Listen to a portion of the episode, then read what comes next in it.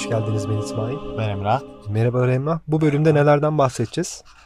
Bu bölümde Şemhameforaş'tan bahsedeceğiz İsmail. Yani Tanrı'nın 72 adından bahsedeceğiz. Sanırım İbranice bir isim. Evet, İbranice aslında sözlük anlamıyla apaçık ortada olan isim ya da genişletilmiş isim manasına geliyor. Ee, istersen bu genişletme daraltma konularından da biraz bahsedelim. Yani genişletilmiş isim ve daraltılmış isim diye tanımlamalar mı var Evet, İbranice'de? doğrudur. Yani aslında eski Mısır'da ve eski Kenan diyarı ülkelerinde e, bir muska yazma şekli diyebiliriz bunun için.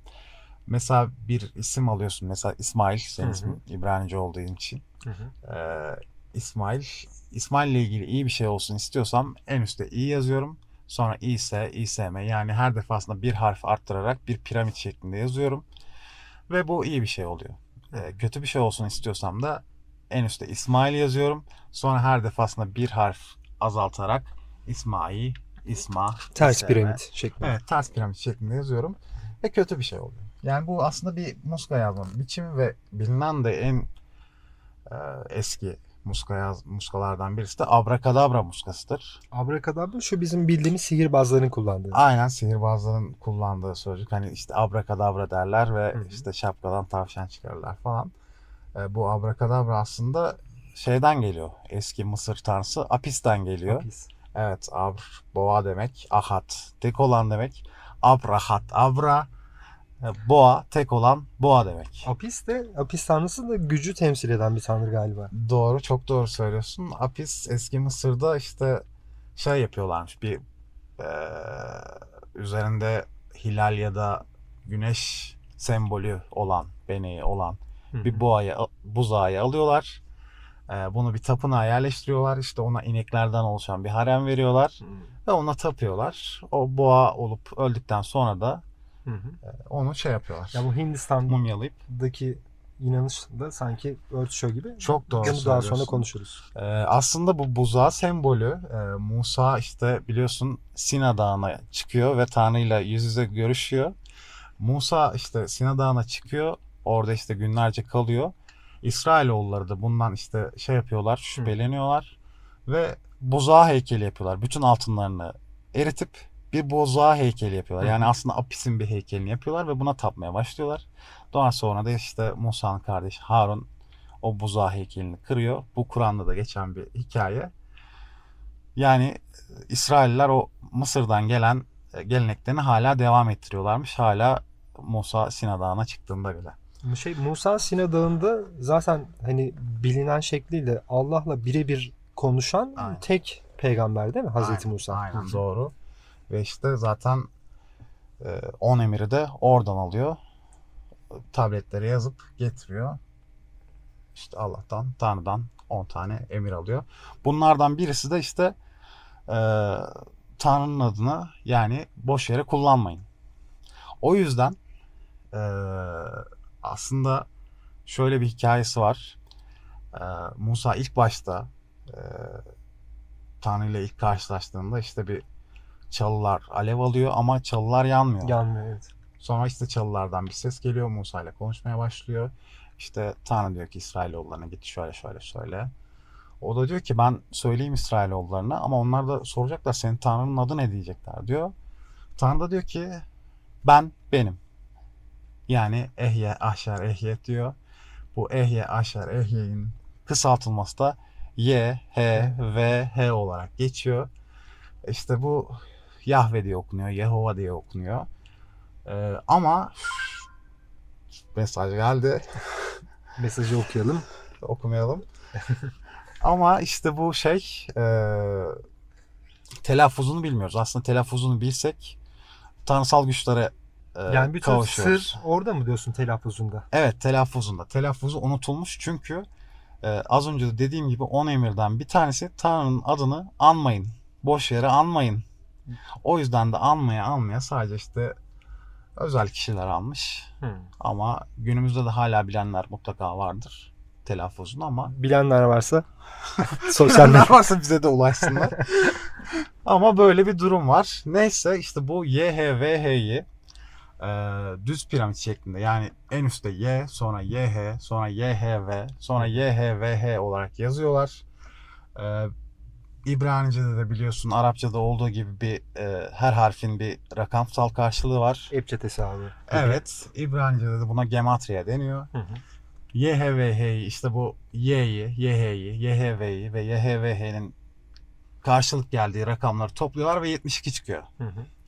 Ve bu 72'de Tevrat'a bakıyorlar. 72 harfli ne var diye. Ee, çok enteresan bir şekilde 72 harfli 3 tane ayet var ve bu ayetlerde peş peşe. 72 Peş ayette. peşe. Evet Hı peş peşe bunlar. Bunlar da nerede?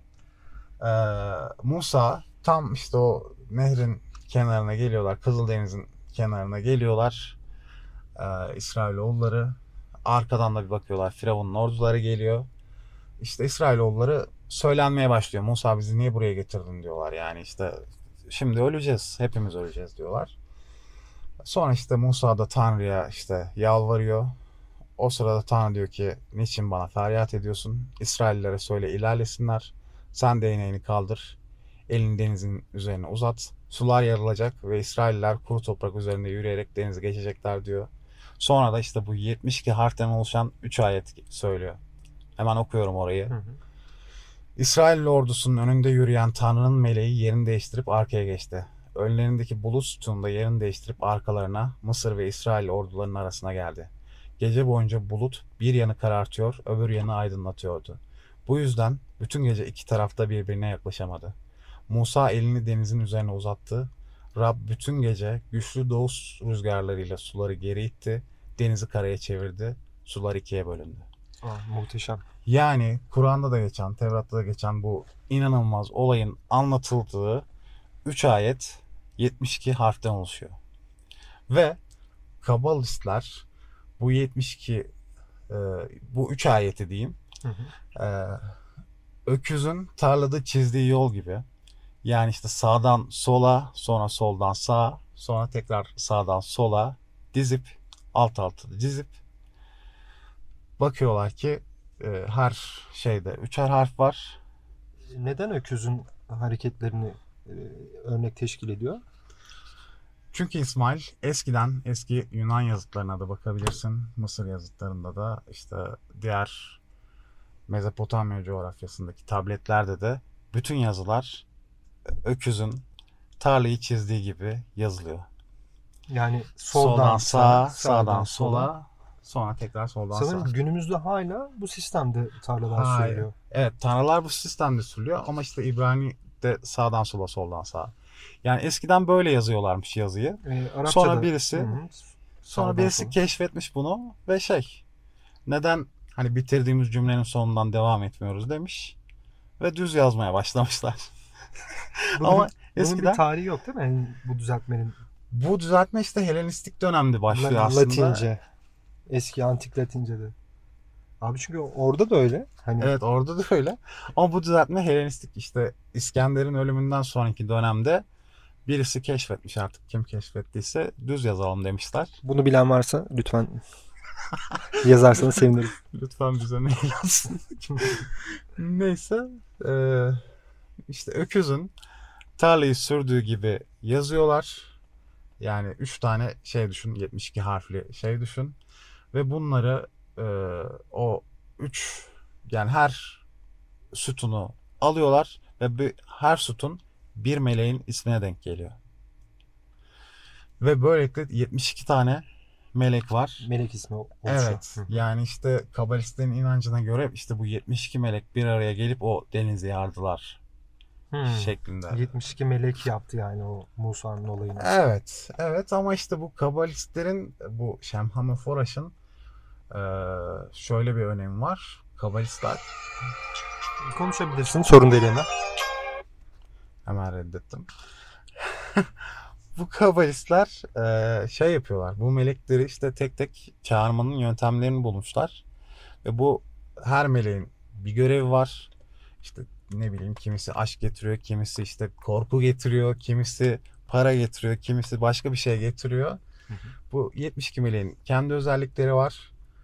Ee, işte bir inanışa göre bunların isimlerini titreştirerek söylüyorsun. Yani bu üç harfi Mesela diyelim ki o üç harf İSM olsun senin isminden gidelim yine. Teşekkür ederim hep benim ismimi kullandığın için. Evet gırtlaktan titretiyoruz mesela İSM şeklinde. gırtlaktan titreterek söylediğimizde e, o melek geliyor diyorlar. Yani ben bir melek olsaydım şu an gelmiştim. Evet ya da işte mesela Kabala International diye bir grup var. Bu Madonna'nın da dahil olduğu bir grup. Aslında sen de biliyorsundur. Ee, yeni dönemde Türkiye'de de çok var böyle işte bileklerinde kırmızı iplerle gezen Hmm, evet insanlar. Evet. Bu Kabala International. Onlar da işte bu sadece 3 harfi e, zihnimizde canlandırarak bu meleklerin geldiğini söylüyorlar aslında. İşte bir dilek tutuyorsun. E, O üç harfi işte önce beyaz zemin üzerinde siyah harfler sonra Hı hı. siyah zemin üzerinde beyaz harfler yani o harflerin ışığını çıkarıyorsun aslında. Yani şu an hala kullanılan bir yöntem. Evet evet böyle bir meditasyon yaparak da bu e, meleklerle iletişime geçilebildiğini söylüyorlar. Hı hı. Ama tabii ki Denemek lazım. belki denemişizdir. Deneyenler varsa lütfen.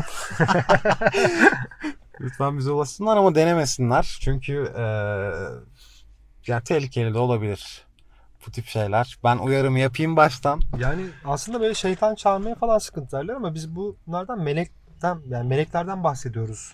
Şeytanla ş- melek arasındaki fark nedir bu konuda? Yani şöyle bir durum var aslında meleklerin şeyi yok. Bir yargılama sistemi yok. Yani atıyorum dersen ki ben 1 milyon dolar istiyorum. Hı hı. Belki melek bunu sana getirecek ama nasıl getirecek? Belki evin başına yıkılacak da tazminat alacaksın. Ya belki deprem olacak, yangın olacak. Hı, bundan yani tazminat alacaksın. Metafizik olarak direkt önüne koyulmuyor. Sanırım bunu sebeplere bağlıyor. Yani eğer olacaksa. Ya hayır onun bir yargılama şeyi yok yani meleklerin bir yargılama yetisi yok. O yüzden biraz şey e, tehlikeli. Hı, yani- kötü bir şey olduğu zaman da bunu kötü olarak addetmeyip yapabilirler diyorsun. Evet yani. evet Hı. yapabilirler. Yani onların bir etik algısı yok, yargısı yok. Hı hı. O yüzden yapabilir, yapmaya da bilir. Tam tersini de yapabilir sana. Hı hı. E, sonuçta e, tehlikeli yani. O yüzden çok fazla bu işlere girmesinler derim. Bir öneri sadece. Evet, Evet, büyük Emrah. bir öneri. Böyle kalın çizgilerle altını çiziyorum bu önerimin. Sanırım bu konuda sen daha fazla şey biliyorsun ama e, dinleyicilerimiz de duymak isteyebilirler. Ee, çok da açmayalım bu konuları ama e, bir dahaki bölümde e, Bunu detaylandırabilir miyiz? hayır detaylandırmayız. Bir dahaki bölümde Süleyman'ın hapsettiği 72 demondan bahsedeceğiz. 72 kötü ruhtan bahsedeceğiz. Belki o zaman Ufaktan. bir ritüel e, örneği çıkartabiliriz. hayır tabii ki öyle bir şey yapmayız. Ama şey yaparız. e, bu Şemhan Froş'a da biraz daha fazla değinebiliriz orada. Hı. Peki bunu canlı olarak bir yayınımızda yapma şansımız yok mu? Yani hani Canlı olarak bir Canlı. ruh mu çağıralım? Yani ruh değil de en azından bu ritüeli canlandırabilir miyiz? Yani yapacağımızdan değil de. Ee, Hani başka bir bölümde yine bir sürpriz. yaparız ama para isteriz. para isteriz. Neden para versinler ki dinleyicilerimiz bunun için? Yani ben niye yapayım ki Hayır, dinleyiciler? direkt, direkt çağıracağımız melekten para istesek. Hayır öyle bir şey olmaz tabii ki. Ama e, yapabiliriz belki ama dediğim gibi bu çok uğraş gerektiren bir şey. E, öncesinde bayağı hazırlanmak gerekiyor. Haftalar boyunca günah işlememek yani en ufak bir sineği bile öldürmemek gerekiyor. Kan dökmemek gerekiyor. Hı, Bayağı böyle kuralları, Tabii. ritüelleri var yani. Dua etmek gerekiyor. Haftalar öncesinden dualara başlamak gerekiyor. E, itiraflar edilmesi gerekiyor. Yani günah çıkarmak gerekiyor aslında bir bir şeyde. nevi. Hı. bir nevi. Ee, işte daha sonra en ufak hayvanı bile öldürmeyeceksin. Kan dökmeyeceksin. Bu hazırlıkları yaptıktan sonra bir de o ritüel gününde yapılması gereken ön hazırlıklar var. Bayağı okumalar var sayfalar boyunca. Okumalar Hı hı. işte vesaireler. Yani çok zahmetli ve çok uzun bir iş. Aslında o ritüelin zamanının belirlenmesi bile, astrolojik zamanının belirlenmesi bile bayağı uzun süren bir iş. Bir de herkese olacak diye bir kaydı yok galiba değil mi? Yani herkes bu ritüelleri başarılı bir şekilde yapabilecek diye bir kaydı yok. Tabii doğru söylüyorsun öyle bir şey yok. Ee, yani aslında çok şey olmanız gerekiyor. Temiz bir kalple yapmanız gerekiyor. İyi bir insan olmak gerekiyor en başta galiba. Ee, iyi bir insan olmak gerekiyor. Günahlardan arınmak gerekiyor. Dediğim gibi tövbe etmek gerekiyor. Bazı günahlar, işlediğiniz günahlardan işte o günahlarınızı bir çıkarmanız gerekiyor. Ve günahsız olarak çıkmanız gerekiyor.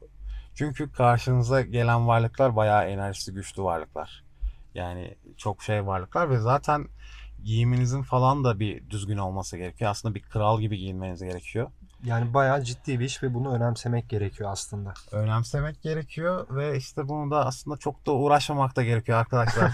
bazen Son karede evet bazen kötü şeyler olabiliyor. O yüzden eğer bunun örnekleri varsa yine bir başka yayında hani kötü şeylerin insanlara bunun zarar verdiğini tamam. anlatan Bir dahaki bölümde bunlardan bahsedeceğiz. bunlardan var. Bir dahaki bölüm çok fena olacak. Şimdiden Evet. heyecanlandım ben.